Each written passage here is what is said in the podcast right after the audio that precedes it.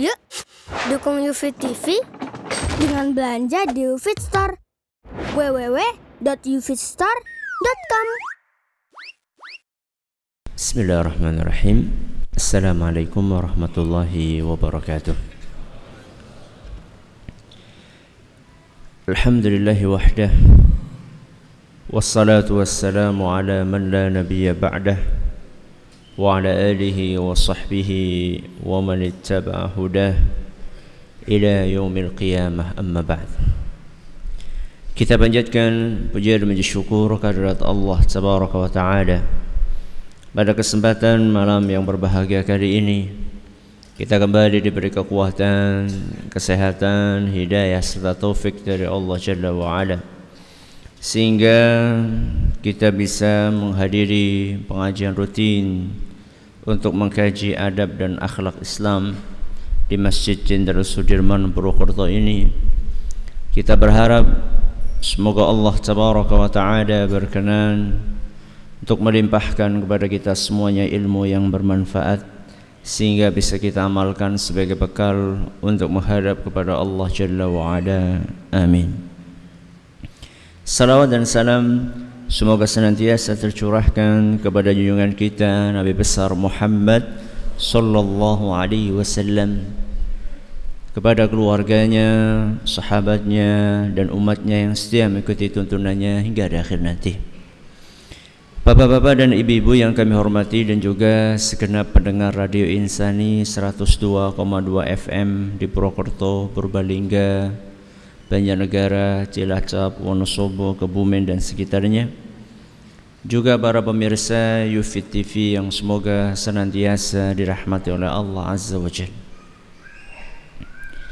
Pada pertemuan terakhir kita kita sudah membahas tentang contoh bisik-bisik dalam kebaikan. Jadi kita sudah menyampaikan bahwa bisik-bisik itu hukumnya tergantung apanya? Satu konten yang dibisik-bisikan. Kemudian yang kedua, situasi dan kondisi ketika bisik-bisik itu dilakukan.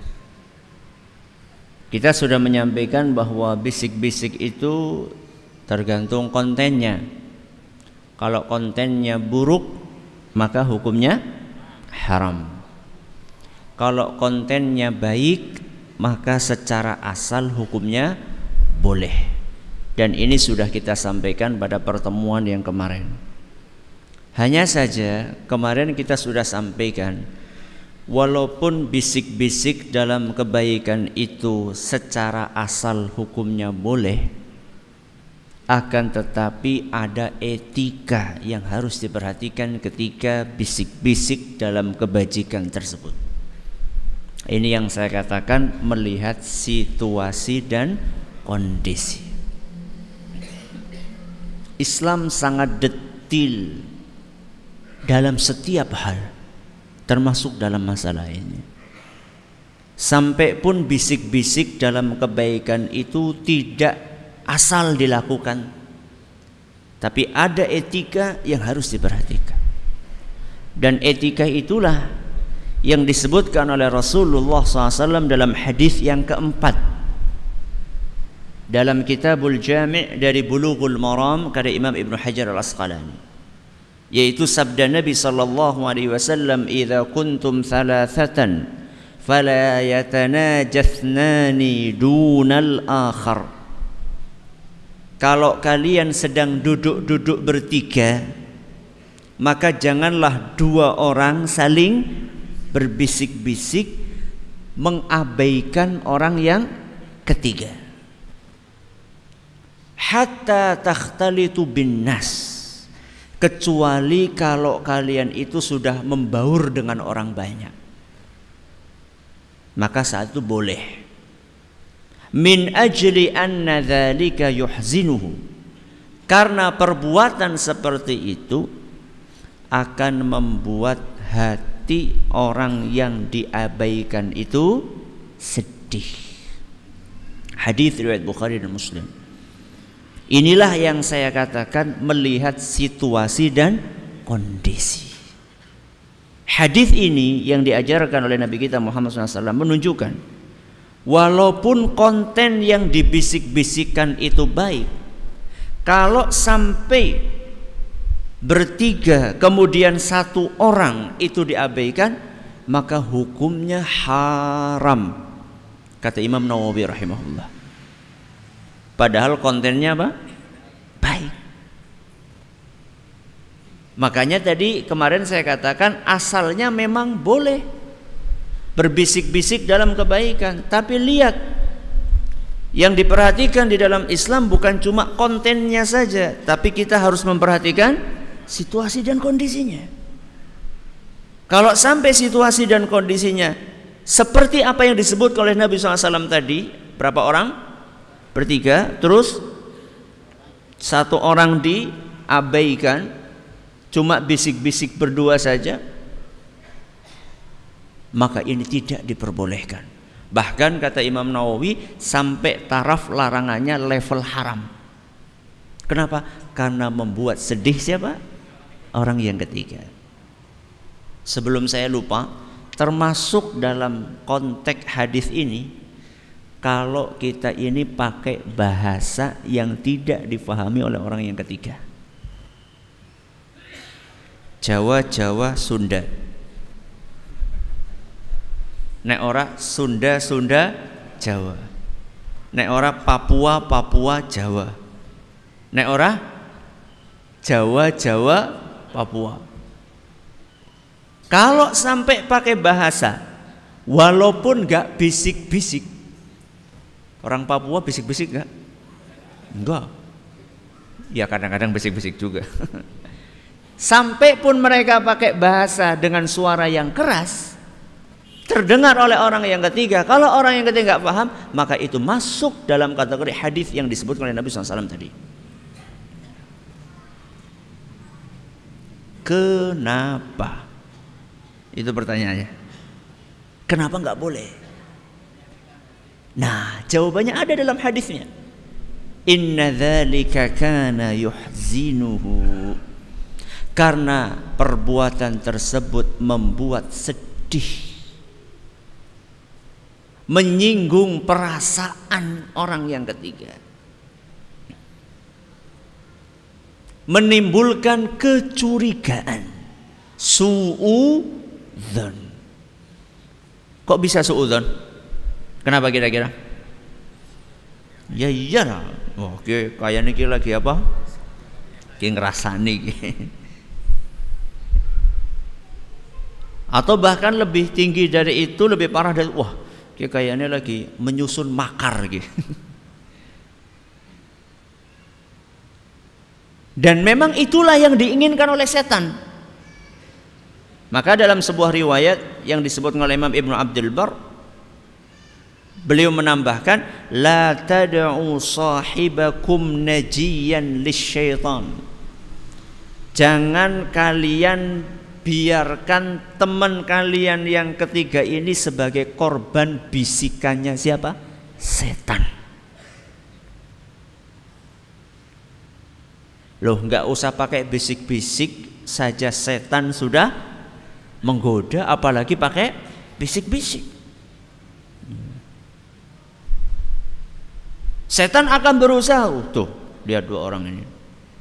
Kayak pasti lagi ngerasani kayak. Walaupun mungkin baik. Mungkin dua orang ini mungkin maksudnya kayak wong melasi banget ya dibantu yuk. Tapi setan memprovokasinya, oh kayak lagi ngerasanya kok ireng jadi.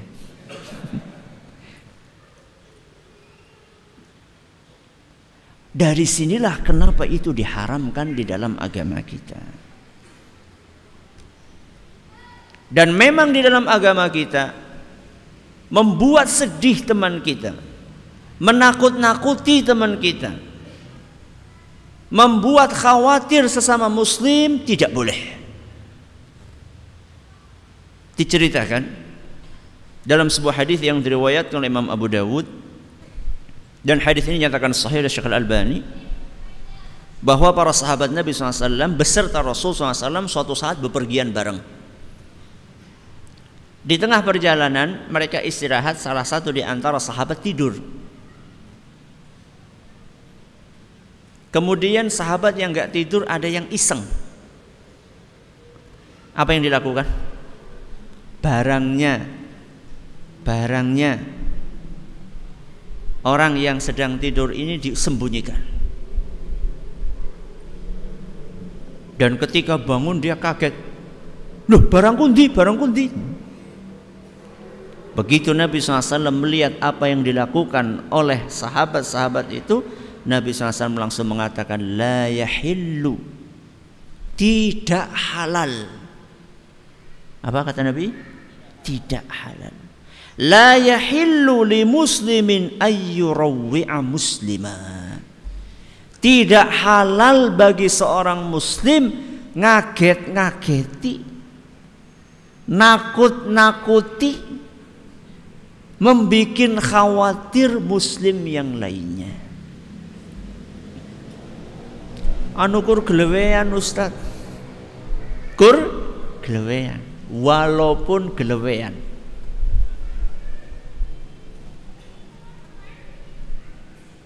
Gelewean itu kan niat kita, tapi dia terganggunya gelewean apa temenanan?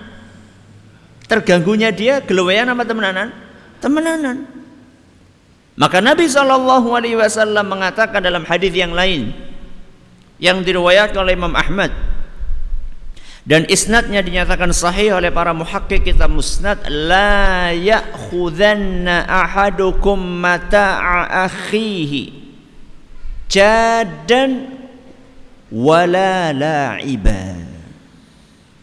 Tidak boleh kalian menyembunyikan barang saudaranya sungguhan atau bercanda. Sungguhan gue maksudnya ya mau temenanan Nyolong temenanan apa nyolong? Nyolongan tidak boleh. Ini biasanya yang iseng ini. Ya. Ngumpetakan apa? Sandal. Sing siji diumpetakan nang ndi? Sing siji nang ndi? Nang kelas apa? Pulpen. Atau sepatu ya biasanya anak-anak kuliah ini ketika ngelihat temannya itu nyopot apa? Sepatu ada yang iseng.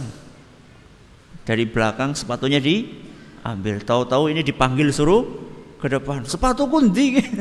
Akhirnya dia berangkat akhirnya dia terpaksa ke depan nggak pakai sepatu. Terus satu kelas pada ketawa. Niatnya bercanda tapi membuat sedih dan di dalam agama kita tidak boleh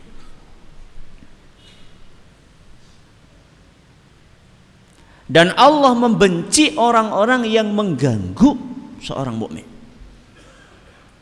Wallahu yakrahu adzal mu'min. Allah Subhanahu wa taala membenci gangguan-gangguan yang diberikan kepada seorang mukmin. Dalam hadis riwayat Abu Ya'la dan isnadnya dinyatakan, ya, dinyatakan hasan oleh Husain Salim Asad. Dalam bentuk apa pun, mau pakai ucapan, mau pakai perbuatan, mau apa saja, tidak boleh kita membuat sedih, menyakiti saudara sesama muslim. Lah itu Ustadz di dalam Islam nyuri tangannya dipotong itu menyakiti enggak? Menyakiti enggak? Motong tangan sakit apa enggak? Tahu ngerasa kan apa? Ya, ya jelas sakit loh, masa tangan potong enggak sakit. Lah itu Ustaz. Ini ada alasan yang dibenarkan. Memang ada kesalahan yang menuntut demikian. Loh kalau yang tadi sandalnya diumpetakan salahnya apa nggak ada salah apa-apa sekali lagi cuma i i seng penyakit jenengannya penyakit iseng ya. dan larangan ini yaitu larangan untuk ngobrol berdua bisik-bisik berdua mengabaikan orang yang ketiga semakin tegas larangan ini ketika itu terjadi saat bepergian. Saat apa? Bepergian. Tiga orang bepergian bareng-bareng. Kemudian dua orang ngobrol bisik-bisik tidak melibatkan orang yang orang yang ketiga dan orang yang ketiga ada di situ. Makanya secara khusus Nabi SAW membahas tentang bisik-bisik ketika bepergian. Kata Nabi SAW dalam hadis yang diriwayatkan oleh Imam Ahmad dan Muhakkik Mustad mengatakan hadis ini sahih li ghairihi la yahillu li thalathati nafarin yakununa bi ardi falatin.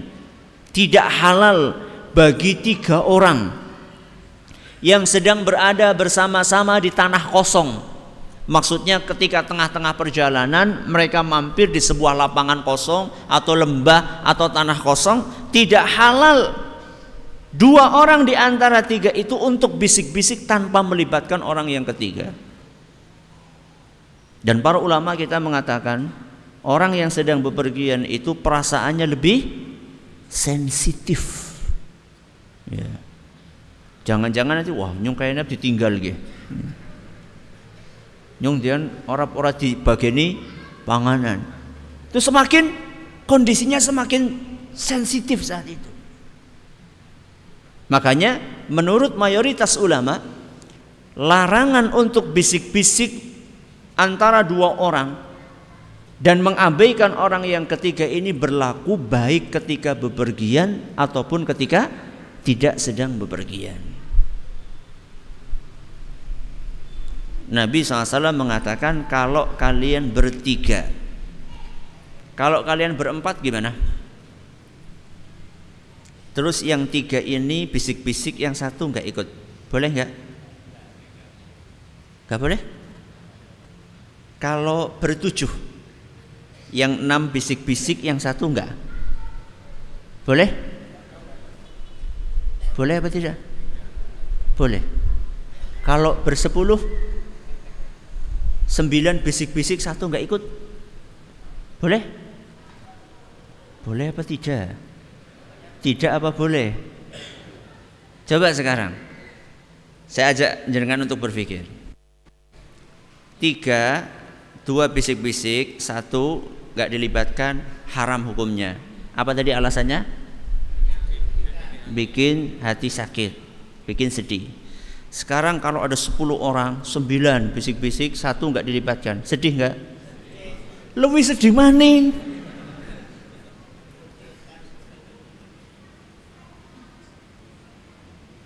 Berarti hukumnya haram juga. Karena akibat yang ditimbulkan ada, bahkan lebih parah. Makanya di dalam kitab uh, Tarhut Tathrib disebutkan sampai pun jumlahnya seribu. Ya. Berarti yang bisik-bisik berapa? 999 bisik-bisik wong sang atau sang puluh sang sih kepriwe ya ya orang ngerti satu orang tidak dilibatkan gak boleh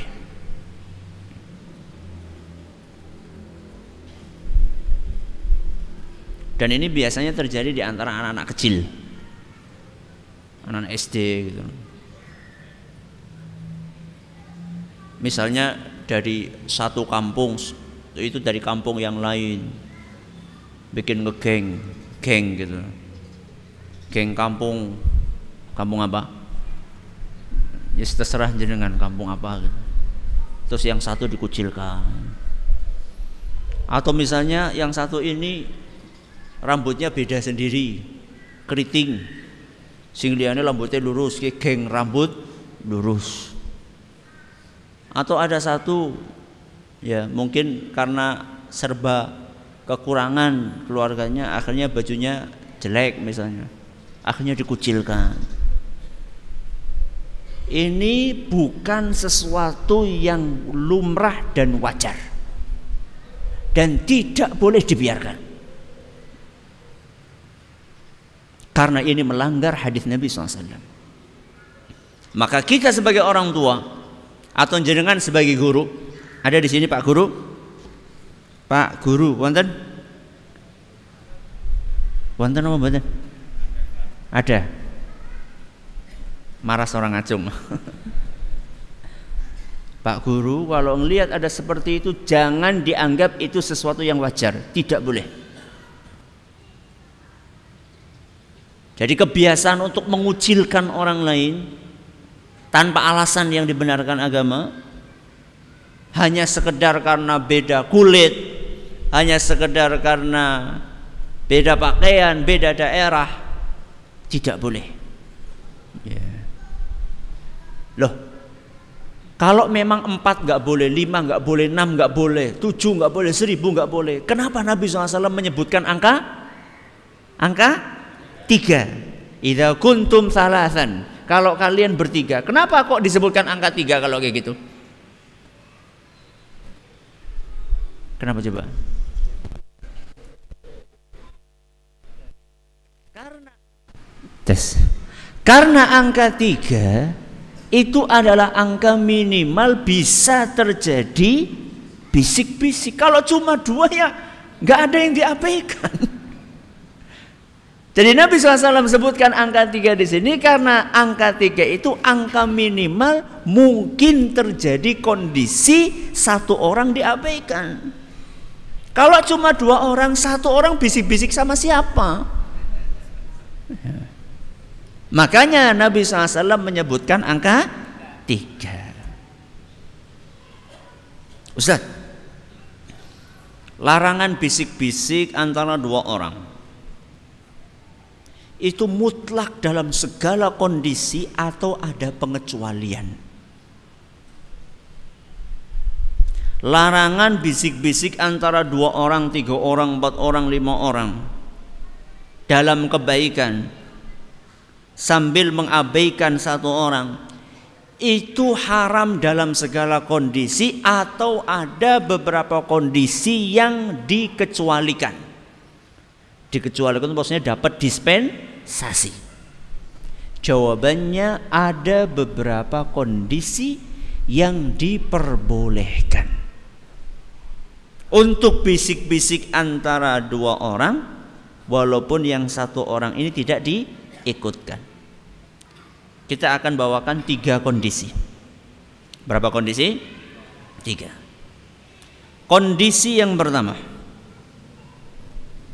apabila yang bertiga ini sudah berbarengan dengan orang banyak, sudah berbaur dengan orang banyak. Misalnya tiga orang anak mahasiswa lagi jalan di lorong lagi jalan di mana? Di lorong. Nah ini pengen ngobrol si A pengen ngobrol sama si B, padahal ada siapa? Si C. Ini sedang di lorong, nggak ada orang lain. Di lorong itu kecuali tiga orang ini. Kemudian tiga orang ini masuk kelas. Di kelas ada anak enggak? Banyak. Nah, kalau sudah masuk ke ruangan yang banyak orangnya di situ, maka saat itu diperbolehkan untuk bisik-bisik antara si A dan si B. Kenapa jadi boleh Ustadz? Karena si C ini sudah ada teman untuk ngobrol. Sehingga perasaannya tidak sakit dan tidak merasa dikucilkan. Dan ini diperbolehkan berdasarkan ijma' para ulama. Sebagaimana disebutkan oleh Imam Nawawi rahimahullah. Apa dalilnya Ustadz? Hadis yang kita baca tadi. Kalau kalian bertiga, janganlah dua orang di antara kalian bisik-bisik sambil mengabaikan orang yang ketiga, kecuali apa tadi? Kalau kalian sudah membaur dengan orang banyak. Kalau sudah membaur maka tidak apa-apa. Rasulullah SAW pernah melakukan itu. Bisik-bisik di hadapan orang banyak. Dari Ibnu Mas'ud radhiyallahu anhu, qasama Nabi sallallahu alaihi wasallam yauman qismatan. Pada suatu hari Nabi sallallahu alaihi wasallam sedang membagi sesuatu, entah harta rampasan perang atau yang lainnya, sedang bagi kepada para sahabatnya. Tahu-tahu ada salah seorang yang hadir di situ komentar, Inna hadhihi laqismatun ma urida biha wajhullah. Ini pola pembagian ini tidak ikhlas. Subhanallah. Padahal yang bagi siapa? Rasul SAW. Dan saat itu Ibnu Mas'ud yang menceritakan hadis ini dengar apa yang disampaikan oleh orang tadi yang menuduh keikhlasannya siapa? Rasulullah sallallahu alaihi wasallam. Maka Ibnu Mas'ud mengatakan ama wallahi la atiyanna nabiyya sallallahu alaihi wasallam demi Allah aku akan sampaikan ucapanmu ini kepada Nabi SAW. Fa'ataituhu wa huwa fi mala'in fasarartuhu. Maka aku pun menemui Nabi SAW. Saat itu Nabi SAW sedang di tengah-tengah orang banyak. Karena lagi bagi-bagi apa tadi? Entah rampasan perang atau punya lagi bagi-bagi, lagi di hadapan orang banyak. Maka aku pun berbisik-bisik kepada Nabi SAW mengabarkan ucapan orang tadi. Apa ucapannya? Nabi SAW tidak ikhlas, tidak adil. Ya.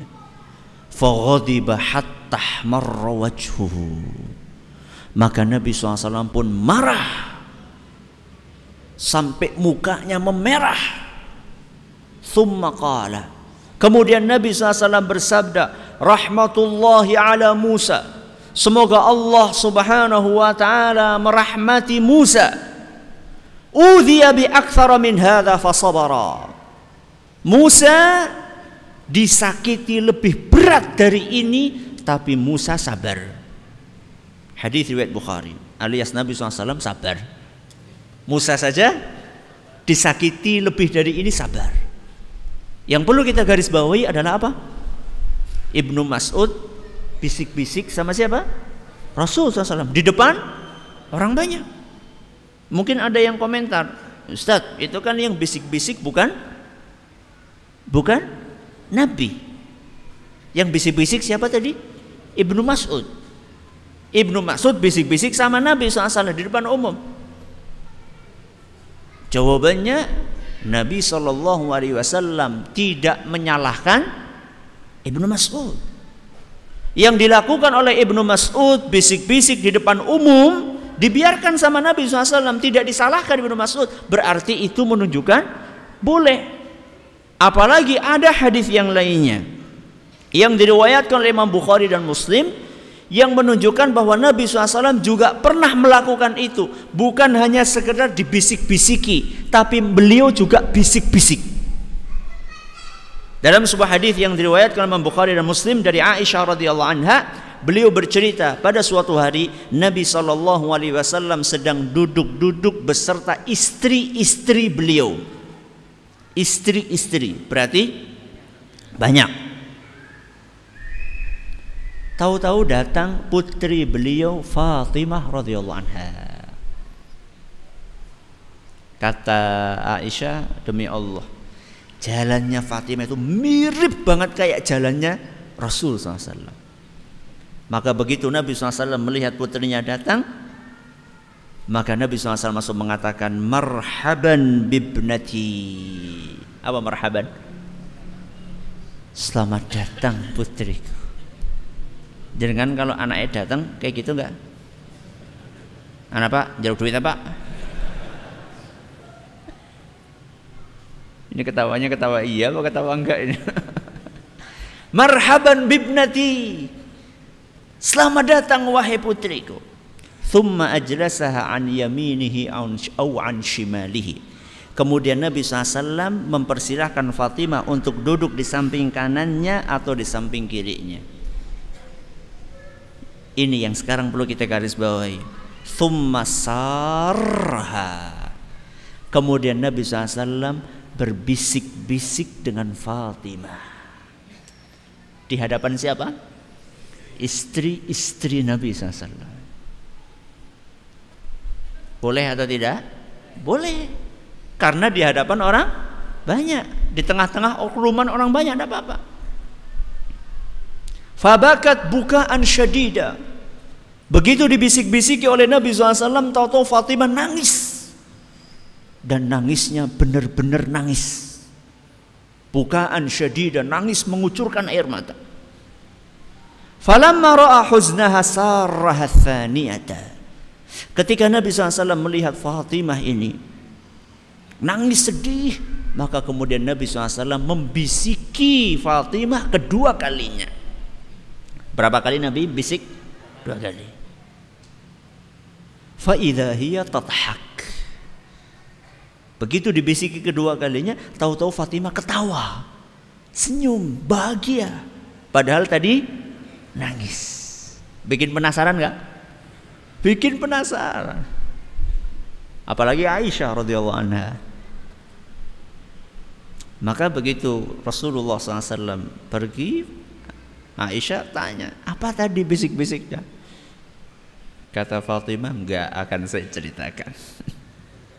Ini rahasia katanya. Setelah Rasulullah SAW wafat, baru kemudian Fatimah cerita. Jadi bisik-bisik yang pertama itu adalah Nabi SAW mengabarkan sebentar lagi beliau akan wafat. Sebentar lagi beliau akan wafat. Maka sedih wajar. Bisik-bisik yang kedua, Nabi SAW mengatakan bahwa Fatimah ini adalah sayyidatu nisa'il mu'minin.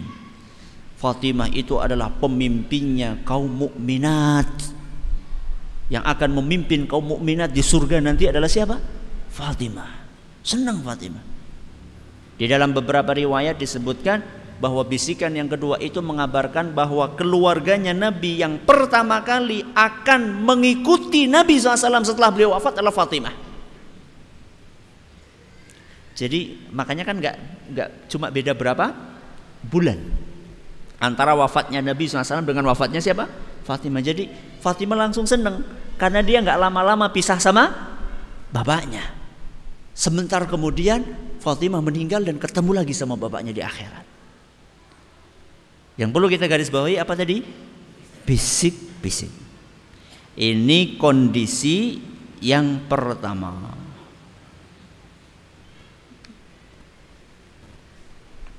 Dan inilah yang dipraktekkan oleh para sahabat Nabi SAW. Antara lain adalah Ibnu Umar radhiyallahu anhu. Diceritakan dalam sebuah hadis yang diriwayatkan oleh Imam Ibnu Hibban dan nyatakan saya dan Syekh Al-Albani, Ibnu Umar suatu hari sedang duduk-duduk.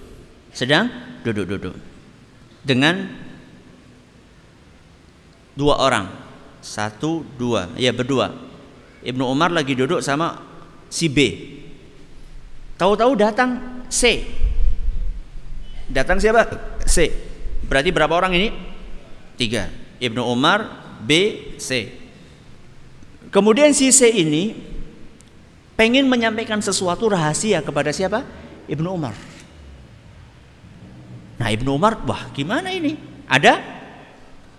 Ada si B. Nanti kalau saya sama si C bisik-bisik, nanti si C, nanti si B gimana? Akhirnya apa yang dilakukan oleh Ibnu Umar radhiyallahu anhu belum mencari si D. D, D sini setelah berempat baru kemudian Ibnu Umar berkata kepada si B dan si D, "Istarkhia, kalian ngobrol duluan. Saya mau ngobrol sama si C."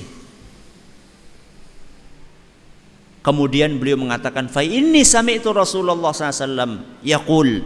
Saya lakukan ini karena aku pernah mendengar Rasulullah SAW bersabda, "La yatanajasnani duna wahid."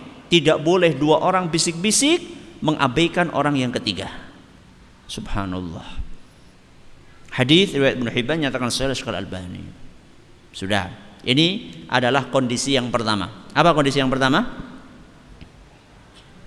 Kalau sudah berbaur dengan orang banyak. Kondisi yang kedua. Apabila orang yang ketiga mengizinkan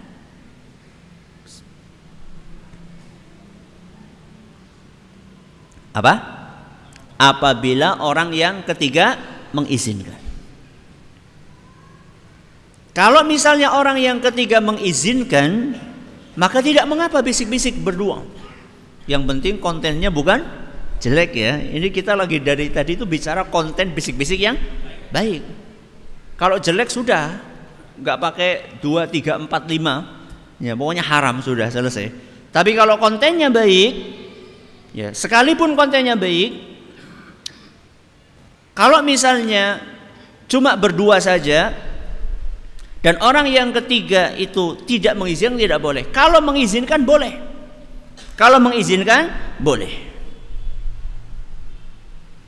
Makanya dalam sebuah riwayat disebutkan illa an yasta'dzinahu kecuali apabila dua orang ini minta izin kepada orang yang ketiga dan diizinkan sama orang yang ketiga.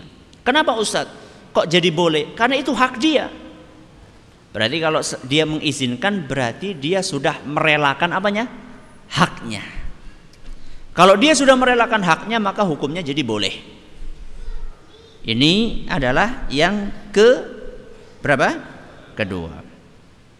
Yang ketiga, apabila ada kebutuhan mendesak. Apa? Ada kebutuhan mendesak dan maslahat yang lebih besar. Contohnya gimana Ustadz? Contohnya ketika kita kedatangan tamu. Kedatangan tamu. Kalau kedatangan tamu biasanya kita apa? Jadi kalau kedatangan tamu ngapain? Menyiapkan suguhan. Tahu-tahu dari dalam anak anak kita keluar, diutus, dikirim sama ibunya. Suruh menyampaikan sesuatu tentang urusan suguhan kepada kita. Kira-kira cocoknya seru apa bisik-bisik? Bisik-bisik. Contohnya ya, apa contohnya? Apa? Bagulan entong. Itu kira-kira kalau teriak-teriak gimana? Ya membuat tamunya jadi nggak enak, nggak enak hati.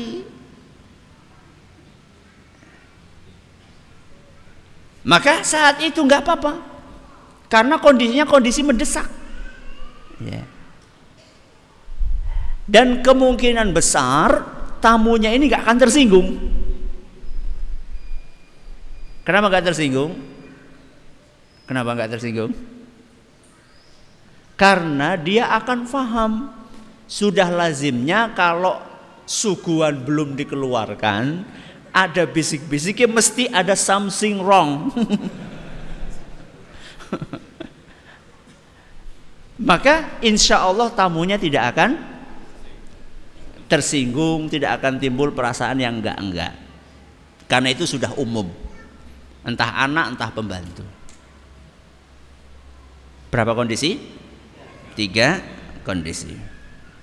Hadis Nabi SAW yang disebutkan oleh Imam Ibn Hajar Al-Asqalani dalam Kitabul Jami' nomor yang keempat itu bunyinya idza kuntum thalathan fala yatanajathnani dunal akhar kalau kalian sedang bertiga maka tidak boleh dua orang bisik-bisik tanpa melibatkan orang yang ketiga berarti ini kasusnya mereka dari awal jumlahnya berapa? Tiga orang. Dua orang bisik-bisik yang satu tidak dilibatkan. Bagaimana kalau kasusnya berbeda? Dua orang sedang bisik-bisik datang orang yang ketiga. Paham? Apa bedanya?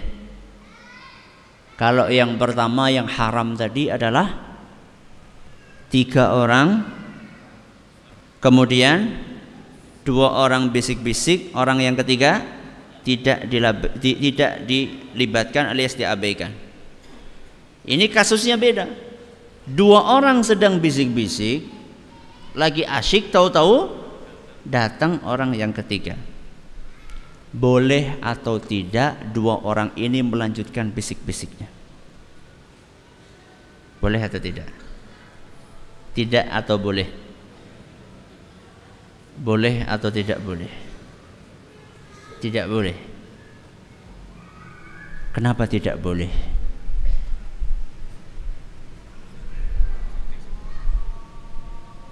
Yang mengganggu siapa? Dua orang ini atau satu orang ini? Satu orang ini. Justru seharusnya yang punya perasaan yang dua orang apa yang satu orang? Yang satu orang.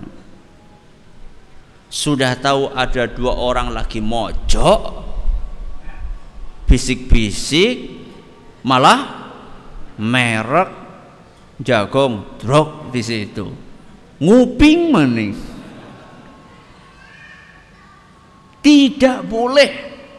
Kalau sudah lihat ada dua orang lagi bisik-bisik gak boleh ikut ke situ.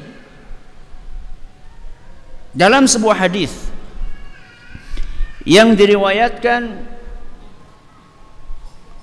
oleh Imam Ahmad dan para muhakkik musnad mengatakan hadis ini hasan li ghairihi dari seorang namanya Sa'id Al-Maqburi. Siapa namanya? Sa'id Al-Maqburi. Qala dia bercerita. Jalastu ila ibni Umar wa ma'ahu rajulun yuhaddithuhu fadakhaltu ma'ahuma. Kata Sa'id Al-Maqburi, aku datang ingin menemui Ibnu Umar. Sa'id pengen ketemu sama siapa? Ibnu Umar. Dan ketika aku sampai di situ, Ibnu Umar sedang ngobrol sama orang lain berduaan. Maka saya pun ujuk-ujuk langsung duduk di situ. Siapa yang langsung duduk? Said. Fadaraba biyadihi sadri wa maka kemudian Ibnu Umar pun menepuk dadaku. Sambil beliau berkata ama alimta anna Rasulullah sallallahu alaihi wasallam qal. Apa engkau tidak tahu bahwa Nabi sallallahu alaihi wasallam pernah bersabda idza tanajathnani fala tajlis ilaihima hatta tasta'dzinahuma kalau ada dua orang sedang bisik-bisik, maka tidak boleh bagimu untuk bergabung sampai engkau minta izin kepada keduanya. Syaratnya satu, apa? Minta izin.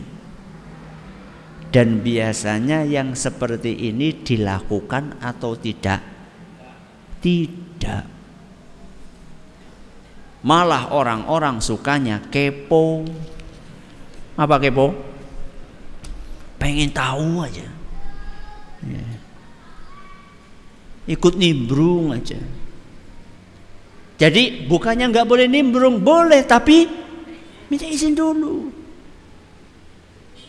Bisa jadi dua orang ini sedang membahas sesuatu yang urgen, yang mendesak, yang tidak ingin orang lain tahu kok ujuk-ujuk ini datang akhirnya terputus obrolannya. Termasuk nih ya termasuk. Ini kadang-kadang kurang diperhatikan etika ini. Orang lagi seorang tuan rumah lagi menerima tamu. Sedang bincang-bincang serius. Tahu-tahu langsung nyelonong ya tamu yang lainnya datang. Assalamualaikum. Sorry ya ikut gabung. Loh bukan sorry ikut gabung. Minta izin ini boleh nggak saya ikut? Oh maaf nanti dulu ya. Ya. Ini etika yang harus diperhatikan. Dan terus orang saya sering mengalami seperti itu.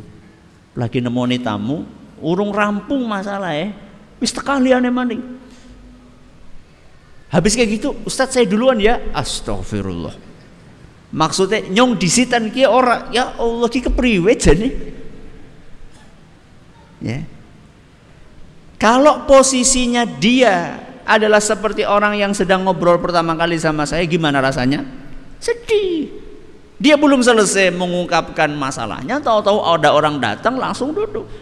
Dan seharusnya kalau kita tahu, oh itu masih nemui tamu misalnya, kita biarkan, nunggu di luar. Kecuali kalau dipersilahkan sama tuan rumahnya. Kadang-kadang saya sengaja nggak mempersilahkan. Karena memang ini sedang ngobrol apa? Serius. Apa sih Ustaz serius? Ya masalah rumah tangga. Masalah ini, masalah itu yang dia nggak ingin orang lain dengar. Ya. Dikirain wah, Ustadz ini cuek, masa kita datang jauh-jauh dibiarin di sana. Ini kurang rampung dia mas. Ini belum selesai. Ya. Termasuk juga nih, ya sekalian. Biasanya habis pengajian, habis apa? Pengajian. Kan ada beberapa orang yang nanya gitu. Tidak ada masalah, boleh-boleh saja. Tapi ketika saya sedang jawab pertanyaan orang, ujuk-ujuk langsung selonong boy. Assalamualaikum, gimana kabarnya? Iku lagi tengah ngomong gitu bisa hilang gitu. Hilang apa nih? Hilang fokusnya dia lagi tanya apa sampai mana tadi? Tunggu. Ya. Lah kesuwen, kesuwen ya ora sah ngesuk maning. Ya. Etika. Apa? Etika. Ini bukan hanya etika ketimuran, ini etika yang diajarkan sama Nabi SAW. Ini etika Islam. Bukan hanya masalah unggah, unggu. Bukan hanya masalah totok romo, bukan. Itu memang betul salah satu totok romo. Akan tetapi ini bukan sekedar totok romo. Inilah etika yang diajarkan dalam agama kita. Jadi jangan memotong obrolan orang. Kecuali kalau diizinkan.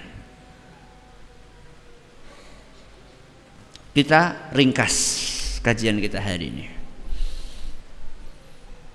Sekalipun bisik-bisiknya dalam kebaikan, tetap ada apanya? Etikanya. Apa etikanya tadi? Kalau sedang bertiga, tidak boleh dua orang bisik-bisik sambil mengabaikan orang yang ketiga. Hukumnya apa? Haram. Alasannya apa? Menyakitkan, membuat sedih, suudzon orang yang ketiga. Kalau kasusnya lebih dari tiga, lima, enam, tujuh, satu orang diabaikan boleh? Tidak boleh. Kenapa? Karena akibatnya lebih menyakitkan lagi. Dalam beberapa kondisi diperbolehkan untuk melakukan itu. Kita sampaikan berapa kondisi? Tiga. Yang pertama, kalau sudah membaur sama orang banyak. Yang kedua, apabila orang yang ketiga mengizinkan. Yang ketiga, dalam kondisi men mendesak.